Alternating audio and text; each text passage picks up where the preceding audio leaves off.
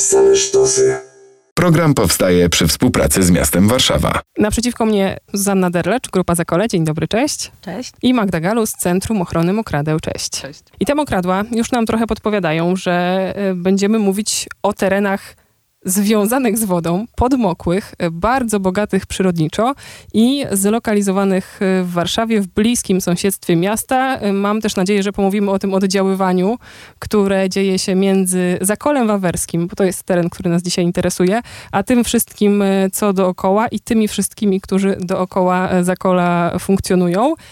Co to za teren? Skąd się wziął na mapie Warszawy i co jest w nim takiego szczególnego, że trzeba na jego rzecz wykonywać jakieś działania? To już jest pierwsza intuicja, że skoro ktoś coś na jego rzecz robi, to znaczy, że trzeba i warto. Zakole Wawerskie powstało w miejscu dawnego starorzecza Wisły, czyli kiedyś płynęła tam Wisła. E, Potem zmieniła swój bieg trochę i, i pozostało takie zagłębienie bagienne. Na początku jeziorko, potem ono się wypełniało torfem powoli.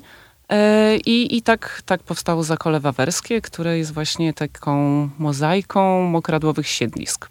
Jest tam podmokły las olszowy, podmokłe łąki, turzycowiska, trzcinowiska, zarośla e, wierzbowe. Jest to teren niezwykły ze względu na ptaki, które tam i mieszkają, i, i się lęgną, i przelatują. Głównie jest to teren interesujący ptasio, jeśli chodzi o przyrodę, ale też są tam bobry, można spotkać bardzo łatwo lisa. E, My ogląda, ostatnio oglądałyśmy chruściki. w Tak. ogóle dużo się tam dzieje. I płazy też oraz rośliny, prawda? To też y, zale- z czasem teraz y, jest ich może coraz mniej tych gatunków chronionych, ale wciąż y, Są tam jeszcze dwa storczyki. To na gatunki chronione Dwa już gatunki storczyków, tak, nie dwa storczyki. Taki, pierwszy taki marker stawiamy. A które części Warszawy go ograniczają? Gdzie jest to tytułowe Zakole? Co tam zakręca? Zakole jest od z, zakola rzeki. Tak, sama nazwa to, to nazwa od zakola rzeki. Taki, takich za, zakól y, jest w Polsce trochę. No tu, tutaj mamy zakole wawerskie, więc ono jest e, przy Wawrze. Jest tak naprawdę wciśnięte tak między właśnie Wawer e, a Gocław e, i też już teraz wciśnięte między ulicę Płowiecką a trasę Siekierkowską.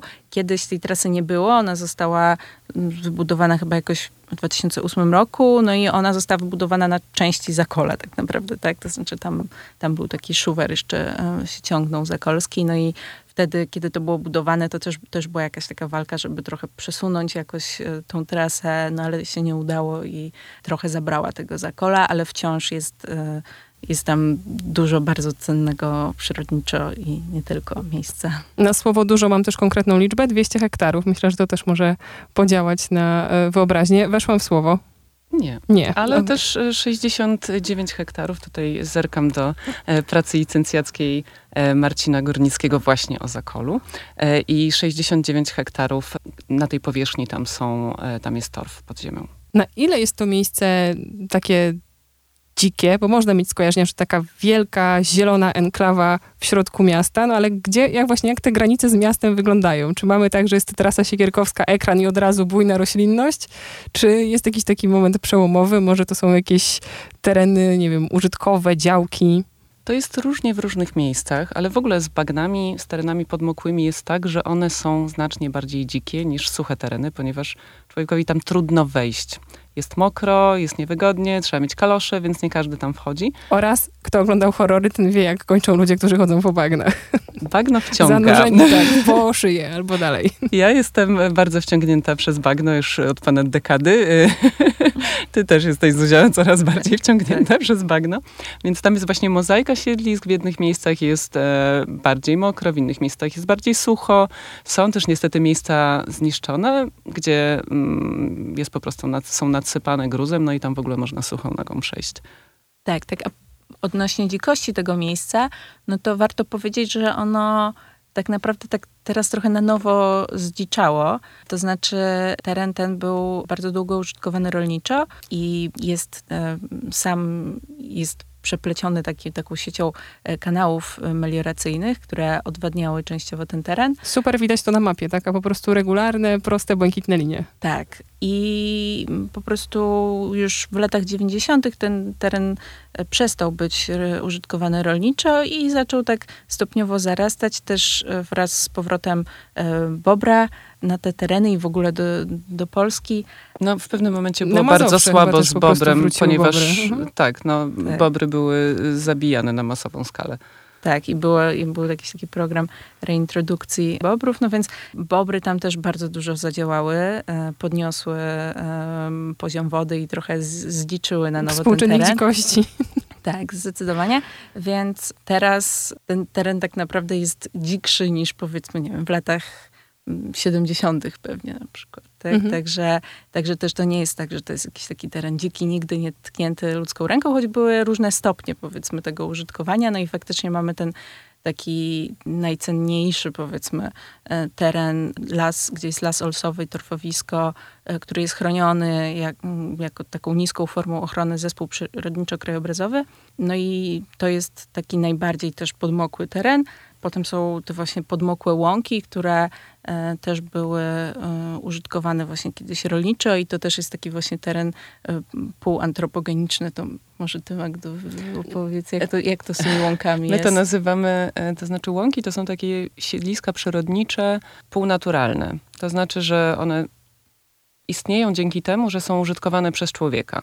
Łąka powstaje w taki sposób, że po prostu człowiek ją kosi regularnie jeżeli człowiek nie kosi, no to łąka zarasta. Więc to jest siedlisko przyrodnicze uzależnione od użytkowania przez człowieka to ja się trzymam słowa siedlisko, no bo to nam pokazuje, że jest jakby miejscem bytowania różnych zwierząt, w tym bobrów, ptactwa i tak dalej. E, gatunków roślinnych też. Wspomniane dwa, e, nie dwa storczyki, tylko dwa gatunki storczyka, które można spotkać w Zakolu Wawerskim. Ale co wynika z tego sąsiedztwa dla miasta jako całości? W sensie, co dobrego może dać tak duży zielony obszar wielkiemu miastu, jakim jest Warszawa, poza taką rekreacyjną funkcją, o której chyba też jeszcze pomówimy, bo podejrzewam, że nie jest oczywista w przypadku Zakola. Przede wszystkim mokradła świetnie e, pomagają przystosować miasta, zaadaptować do zmian klimatu. Teraz e, są takie programy unijne, w ramach których można dostać duże dofinansowania dla miast. Miasta się mogą o nie starać i też miasta mają opracowane strategie adaptacji do zmian klimatu. No i w ramach takich działań zbiera się deszczówkę, sadzi się ogrody kieszonkowe, ogrody wertykalne, ogrody na dachach, e, są zielone tory. No a, a tutaj właściwie nie trzeba niczego za bardzo sadzić, to jest, wystarczy to ochronić. E, I takie bagno świetnie retencjonuje wodę. Więc... Czyli gąbkę mamy taką. Tak, mamy taki wodę. duży zbiornik wodny, który jest o tyle lepszy od takiego zbiornika wodnego, załóżmy nie gąbki, tylko wanienki, bo mniej z niego, wolniej z niego ta woda paruje ale dzięki temu też dłużej może parować, tak? Czyli powietrze wokół takich terenów jest nasycone wodą, jest większa wilgotność, więc kiedy mamy suszę, to też e, nie ma tak, że jest takie suche powietrze, które zasysa jakby tą wilgoć z otoczenia. Więc to łagodzi skutki suszy, a z drugiej strony też e, takie mokradła, przez to, że zwiększają wilgotność dookoła, no to też obniżają temperaturę ponieważ woda musi przejść z jednego stanu skupienia w drugi i wtedy pochłania trochę energii. No i też y, powodują stworzenie takiego małego cyklu obiegu wody, czyli że woda paruje, tworzą się chmury i gdzieś regionalnie te chmury mogą spaść w postaci deszczu, więc ta woda zawraca i, i nie, nie jest tak od razu, że e, tylko czekamy na te chmury, które do nas przyjdą z nadmorza, z nadoceanu, tylko mogą właśnie możemy... Z. Te... Tak, mogą przyjść z Wawra, dokładnie. A jakość powietrza, w sensie nie wilgotność, tylko czystość? Mokradła wpływają dobrze na czystość wody. W sensie mokradła oczyszczają wodę, no ale cała roślinność tak, wpływa dobrze na oczyszczanie powietrza. Więc to też, to też bardzo dobrze wpływa, ale przede wszystkim w kontekście zmian klimatu mokradła są takim podziemnym, naturalnym magazynem węgla. W pokładach torfu, które są w torfowiskach, zgromadzony jest węgiel, który kiedyś był w atmosferze.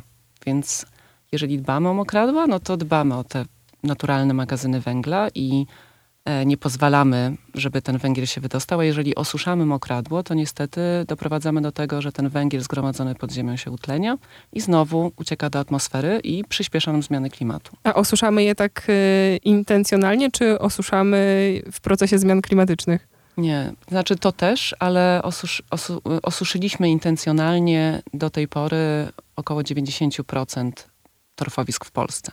I osuszyliśmy je intencjonalnie na potrzeby rolnicze, wykopując sieci rowów melioracyjnych w PRL-u, żeby osuszyć mokradła i żeby zrobić z nich łąki i pastwiska. Wracam do Zakola i myślę po tym wszystkim, co powiedziałaś o roli mokradeł, że tam aż się prosi, żeby powiesić taką wielką tabliczkę nie dotykać. Są bobry, są chronione storczyki, są cenne mokradła, więc no czy w takim razie powinniśmy teraz wszyscy tłumnie w poszukiwaniu kontaktu z dziką przyrodą na to zakole wawerskie ruszyć, czy jednak trzymać się z daleka? To jest pytanie, na które my też e, w ramach e, grupy Zakole dużo się zastanawiałyśmy, jak zaczynałyśmy zajmować się tym terenem, na ile nagłaśniać e, istnienie tego terenu, a na ile jednak e, po prostu działać z nim spokojnie, żeby przypadkiem tam się po prostu nagle mm, nie zwaliły nie jakieś tłumy. Mhm. I to jest też, mm. tylko wejdę w słowo, no trochę paradoksalne, że mówimy o 200 hektarach. To nie jest jakiś ukryty, nie wiem, jakaś ukryta grządka gdzieś za rogiem, tylko ogromny teren. A zarazem dosyć niewidzialny w mieście. To znaczy faktycznie mało y, kto o nim wie, jeśli nie mieszka tuż obok, a czasami nawet osoby tak z całkiem bliskiego Wawra, no wiedzą, że coś tam, jak się jedzie trasą siekierkowską, to coś tam zielonego jest, ale nie do końca wiadomo, y, co to. Mogę ci wejść słowo? Tak. Chciałam pozdrowić moją przyjaciółkę, która mieszka na ulicy Poprawnej w Wawrze i Zakoleś zaczyna tuż za jej uliczką i ja jeszcze rok temu nie wiedziałam o Zakolu Wawerskim, więc naprawdę można nie zauważyć tych 200 hektarów. Także wracając do kwestii tego, powiedzmy, obcowania z y, przyrodą Zakola, my zaczynając właśnie w ramach grupy Zakole nasz e, projekt poświęcony te, temu miejscu, uznałyśmy, że miałyśmy z jednej strony poczucie, że trzeba o tym miejscu mówić i trzeba je w jakiś sposób na e, takiej mentalnej mapie warszawiaków umieścić, żeby właśnie można było stworzyć taką społeczność, która w razie czego będzie w stanie wstawić się za tym miejscem, tak? Bo kwestie e, takie właśnie własnościowo-prawne tego terenu nie są uregulowane. Dlatego postanowiłyśmy jednak zacząć to nagłaśniać, ale tak pomału, tak? To znaczy zaczęłyśmy faktycznie takimi drobnymi, skromnymi działaniami, e, kameralnymi spacerami, takimi trochę eksperymentalnymi, bo um, też y, ćwiczącymi właśnie uważność i skupionymi na jakichś poszczególnych aspektach tego miejsca.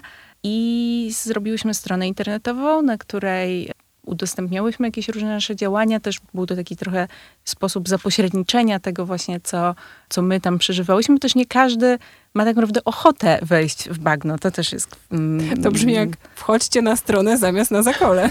Y, no, my na początku trochę tak myślałyśmy, że może, może to tak e, będzie działało, że jak nie, nie każdy będzie chciał, e, będzie chciał, będzie mógł, bo, bo to naprawdę też nie jest takie, powiedziałabym, w tym, w tym momencie może miejsce dla dla każdego. Znaczy myślę, że nie każdy się dobrze czuje na przykład w, w lato i z jednej strony jest upał, dużo komarów, tak, co jest cudowne, to jest dla nas to jest super miejsce, ale wiadomo, że nie, nie każdy koniecznie będzie się tam czuł świetnie, natomiast... Y, jak mówisz tak, o komarach, to od razu myślę o waszym pięknym filmie tak. dedykowanym komarom zakolskim. Zaraz przejdziemy do działań artystycznych tak, przy Zakolu. Tak. Więc jak najbardziej chodzić i też jednym z naszych postulatów jest właśnie to, żeby to miejsce w mądry sposób udostępnić, tak? To znaczy, że żeby szczególnie właśnie miasto już po e, uregulowaniu kwestii własnościowych tego miejsca, niektóre rejony tego miejsca właśnie przygotowało tak, żeby e, zrobić z tego taki park mokradłowy, który będzie pełnił funkcje edukacyjne i rekreacyjne, a zarazem zachowa te funkcje siedliskowe i zachowa to miejsce właśnie dla, mm, powiedzmy, dla nas wszystkich, dla przyszłych pokoleń i dla też tych nieludzkich mieszkańców tego miejsca ładne określenie, nieludzcy mieszkańcy, ale właśnie formując to pytanie miałam na myśli taką prostą, użytkową zasadę, jak czasem się wchodzi do parków narodowych, no to widać tabliczkę. Możesz spotkać, nie wiem, Wawrzynka Wilczełyko, nie dotykaj, nie wiem, w górach nie schodź ze szlaku, w sensie mhm. szanuj jakby przyrodę, którą masz dookoła. Tutaj mamy zespół przyrodniczo-krajobrazowy, czyli rozumiem bez tabliczek. Tam jest tabliczka, że to jest zespół przyrodniczo-krajobrazowy, ale mm, Bez nie ma to, mhm. tak, nie ma to szczególnie żadnego przełożenia na użytkowanie samego tego terenu. Chociaż, no to, to tak jak mówię, tam na przykład przez sam zespół przyrodniczo-krajobrazowy jest taka podmokła ścieżka, po której ludzie chodzą, no ale nie, nie każdy tam pójdzie, no bo też jest dużo właśnie powiedzmy takiego błota, tak? Raczej w kaloszach e, trzeba tam przejść, także nie jest to taki teren dostępny z marszu. Chociaż ludziom się zdarza jakoś tam Zapłacić przedzierać. z rowerem. Tak, z rowerem właśnie na przykład się, się tam przedzierać, bo tam pokazuje na mapie, y, pokazuje, że to po prostu jest ulica Spadowa. Znaczy tam jakaś ścieżka y, i ciąg dalszy ulicy Spadowej. Także my na pewno byśmy postulowały, żeby w ramach takiego parku mokradłowego przez y, sam, sam ten OLS, tak, ten las olsowy, czyli ten zespół przyrodniczo-krajobrazowy, który jest właśnie takim super cennym em, terenem w ramach tego kompleksu mokradłowego, żeby przez niego szła właśnie taka kładka, e, po której będzie można się przejść, ale żeby sam, cała reszta tego terenu, samego tego zespołu przyrodniczo-krajobrazowego była raczej potraktowana jako takie siedlisko, tak? Żeby właśnie można było zajrzeć, zobaczyć, co to jest za miejsce, ale e, uszanować właśnie tą si- siedliskowość i tych in, innych mieszkańców. Są dwa wątki, po które koniecznie musimy sięgnąć. Jeden dotyczy stwierdzenia film o komarach i do niego też przejdziemy, a drugi jednak postulatów, więc może skoro mamy blisko zdanie pod tytułem postulujemy, e, to powiedzcie proszę, co waszym zdaniem powinno się przydarzyć zakolu wawerskiemu? Jak powinna kształtować się jego przyszłość? Poza wytyczeniem ścieżki i jakimiś takimi formami ochrony, które chyba pośrednio z wypowiedzi Zuzi jakoś tak przenikały. Nasze postulaty z apelu, który e, zaniosłyśmy do ratusza i podpisało się pod nim e, na czas wydrukowania e, tego apelu 4280 osób, to jest objęcie przez władze miasta skuteczną ochroną Zakola Wawerskiego.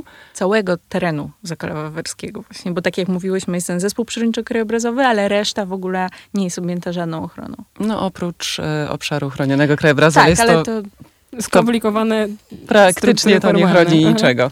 Więc ja bym to widziała tak, że chciałabym, by, by miasto podjęło taką odważną decyzję, że rzeczywiście zajmuje się tym terenem i traktuje e, ten teren Zakola Wawerskiego jak inne tereny zieleni, tak jak parki publiczne.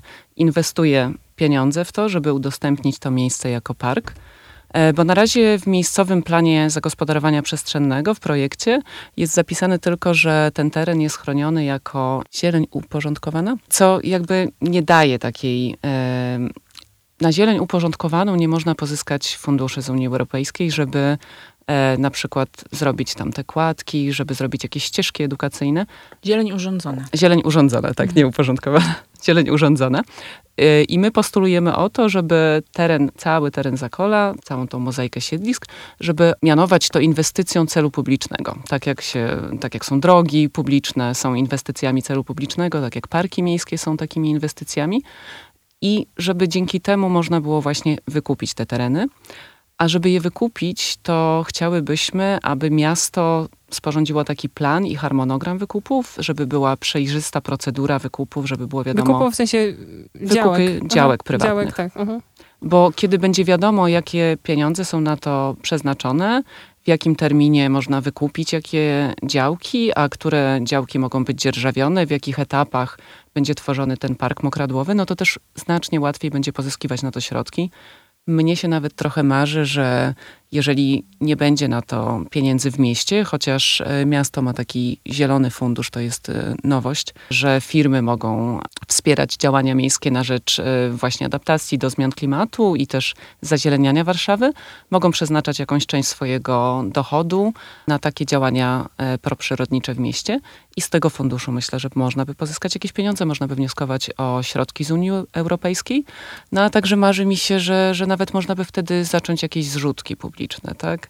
I, I zbierać na to pieniądze i dokładać do tej puli, do wykupów, że jeżeli wiemy, ile potrzebujemy pieniędzy na pierwszy etap, żeby zrobić jakąś pierwszą ścieżkę, no to wtedy wiadomo, do czego zbieramy. Ale najpierw potrzebna jest ta odważna decyzja, że tak, to jest nasz kolejny park i dbamy o niego i inwestujemy w ten park. To jest ten scenariusz marzenie, a jaki jest dokładnie przeciwny? Co się może wydarzyć, jeśli nie uda się wykupić tych działek i jakby zająć się zakolem? Scenariusz klapa? A macie więcej niż, niż ten jakby super optymistyczny i ten dokładnie przeciwny? Macie jakieś pośrednie? To znaczy wiele. pośredni, pośredni tak naprawdę to jest e, taki trochę status e, quo tego terenu, czyli że zostanie trochę tak jak teraz działki prywatne, ale bez e, pozwoleń na budowę. Chociaż to właśnie jest takie niebezpieczeństwo, bo jednak część osób, e, które mm, ma działki gdzieś tam bliżej jakichś terenów zabudowanych, dostaje te pozwolenia za budowę, więc ta zabudowa trochę wkracza jednak, plus niektóre działki są nagle, które są gdzieś bardziej w środku, są nagle przygotowywane pod tak jakby pod jakąś inwestycję karczowane, y, jest nasypywany tam gruz i ziemia i nie do końca wiadomo y, dlaczego, bo nie ma tam teoretycznie żadnego postępowania o wydanie warunków zabudowy, no ale jednak to się dzieje, więc jest ryzyko po prostu takiego stopniowego niszczenia tego terenu. Także na pewno to, to jest jeden ze scenariuszy. Oczywiście jakimś takim zupełnie czarnym scenariuszem byłoby to, że teren ten zostanie y, sprzedany w, rękę, w ręce deweloperów i powstanie tam jakieś wielkie wielkie osiedle. Albo natomiast nowa. y, tak, natomiast mamy nadzieję y, i miasto raczej też nie ma takich intencji, żeby coś takiego się wydarzyło. Póki co w starym studium e, była zapisana trasa Olszynki Grochowskiej, która przecinała e, Zakole Wawerskie po prostu dokładnie w poprzek, co byłoby absolutnie katastrofalne dla tego miejsca, żeby tam kolejna trasa przy, e, przechodziła. I dlatego mamy nadzieję, że w nowym studium takiej trasy po prostu już nie będzie. A to też postulowałyśmy. Tak, to jest też jeden z naszych postulatów, żeby e, póki co w tym planie, e, który, który jest uchwalany, ta trasa musiała być, bo, bo plan musi być zgodny ze studium, ze starym studium, ale teraz jesteśmy w procesie tworzenia nowego studium dla, znaczy miasto Warszawa jest w procesie mm, tworzenia studium dla Warszawy mm, i mamy nadzieję, że w tym nowym studium tej trasy nie będzie. Grupa Zakole to jest, y, to są dwa słowa, y, pod które chciałabym, żeby wszyscy, którzy poczuli jakąś więź y, albo wagę sprawy Zakola Wawerskiego, zajrzeli na tę stronę. To, co można wywnioskować po tych kilkunastu minutach naszej rozmowy, to to, że macie dużą wiedzę, którą też się dzielicie na stronie, że są działania i tutaj ta petycja złożona, ale też chciałabym, żebyśmy uzupełniły ten obraz Zakola o działania artystyczne. Był ten wspomniany film o komarach. Jak się czyta e, waszą biografię, to podkreślacie, że jest to kilka w zasadzie środowisk i naukowych, i artystycznych, i aktywistów. Pewnie jeszcze kogoś pominęłam, więc żeby nie brnąć dalej w grupy pominięte, oddaję wam głos. Gdzie ta rola e, właśnie jakiejś takiej sztuki czy animacji kultury w Zekolu? To może ja zacznę od tego, jak to się w ogóle zaczęło z grupą e, Zakole. Właśnie jako, tak naprawdę zaczęło się jako projekt z Zakole, e, który mm, rozpoczęliśmy pod skrzydłami krytyki politycznej w ramach takiego europejskiego mm, projektu. I faktycznie od początku chciałyśmy traktować ten projekt jako taką bardzo otwartą strukturę, to znaczy, że też oprócz tych osób, które zaczęły, e, które były inicjatorkami tego działania, żeby po prostu różne osoby, z którymi będziemy współpracowały, żeby to tak trochę się powiększało i tak trochę zasysało te kolejne osoby. I faktycznie e, przez to, że też większość z nas, osób e, inicjujących te, te działania ma takie, powiedzmy, doświadczenie bardziej e, background artystyczny, e, to e, zaczynałyśmy te nasze działania właśnie tymi eksperymentalnymi spacerami, które były e, prowadzone przez e, takie pary e, osób e, z jednej strony ze środowiska takiego przyrodniczego, naukowego, a z drugiej strony przez właśnie e, artystki i artystów. I to, był, to było takie nasze pierwsze, pierwsze działanie y, stopniowo właśnie dążące do jakiegoś takiego rozpoznania, poznania tego terenu. Też zapraszałyśmy tam e, na zakole osoby, e, żeby przeprowadzić z nimi rozmowy właśnie o tym, o, o tym miejscu. I tutaj znów zarówno naukowców i przyrodników, jak i e, filozofki i artystki. Właśnie tutaj to jest ta wiedza, którą tak starałyśmy się gromadzić na tej naszej stronie internetowej www.zakole.pl na którą możecie wejść i sobie mm, poeksplorować właśnie te jakieś nasze różne e, odkrycia. Mm, I tak te, to, to, to, co nam przyświecało, to było właśnie trochę mm, takie rozszczelnienie tej wiedzy też takiej przyrodniczej, naukowej i trochę spojrzenie na, na nią z innej perspektywy. E, I też jedną z, z naszych najnowszych inicjatyw to był, było nakręcenie filmu z wody, który zrealizowałyśmy przy współpracy z Muzeum Sztuki Nowoczesnej w Warszawie. E, I ten film może nie będę zdradzać, kto tam jest tym e, takim bohaterem, powiedzmy, filmu.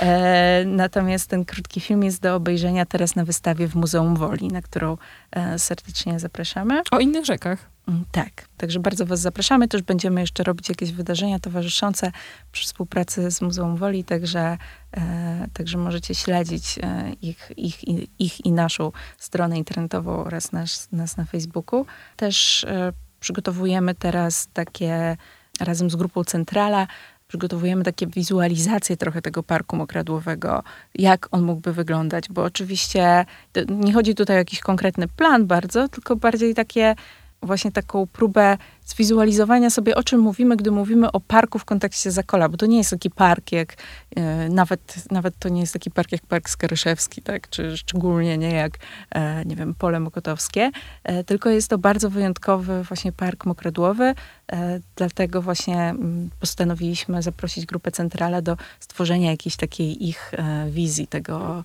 tego miejsca. A są to ludzie z szalenie otwartymi głowami i takim też jakimś czułym myśleniu o mieście, więc Tak, To może zdecydowanie. I też e, to, co robiłyśmy na przykład w, w październiku chyba zeszłego roku, to było takie spotkanie sąsiedzkie na Wawrze, w Wawerskim Centrum Kultury Filia Zastów, e, gdzie właśnie z jednej strony była projekcja filmu, był też wcześniej spacer po tak, taki bardziej wokół i po, i po łąkach Zakola.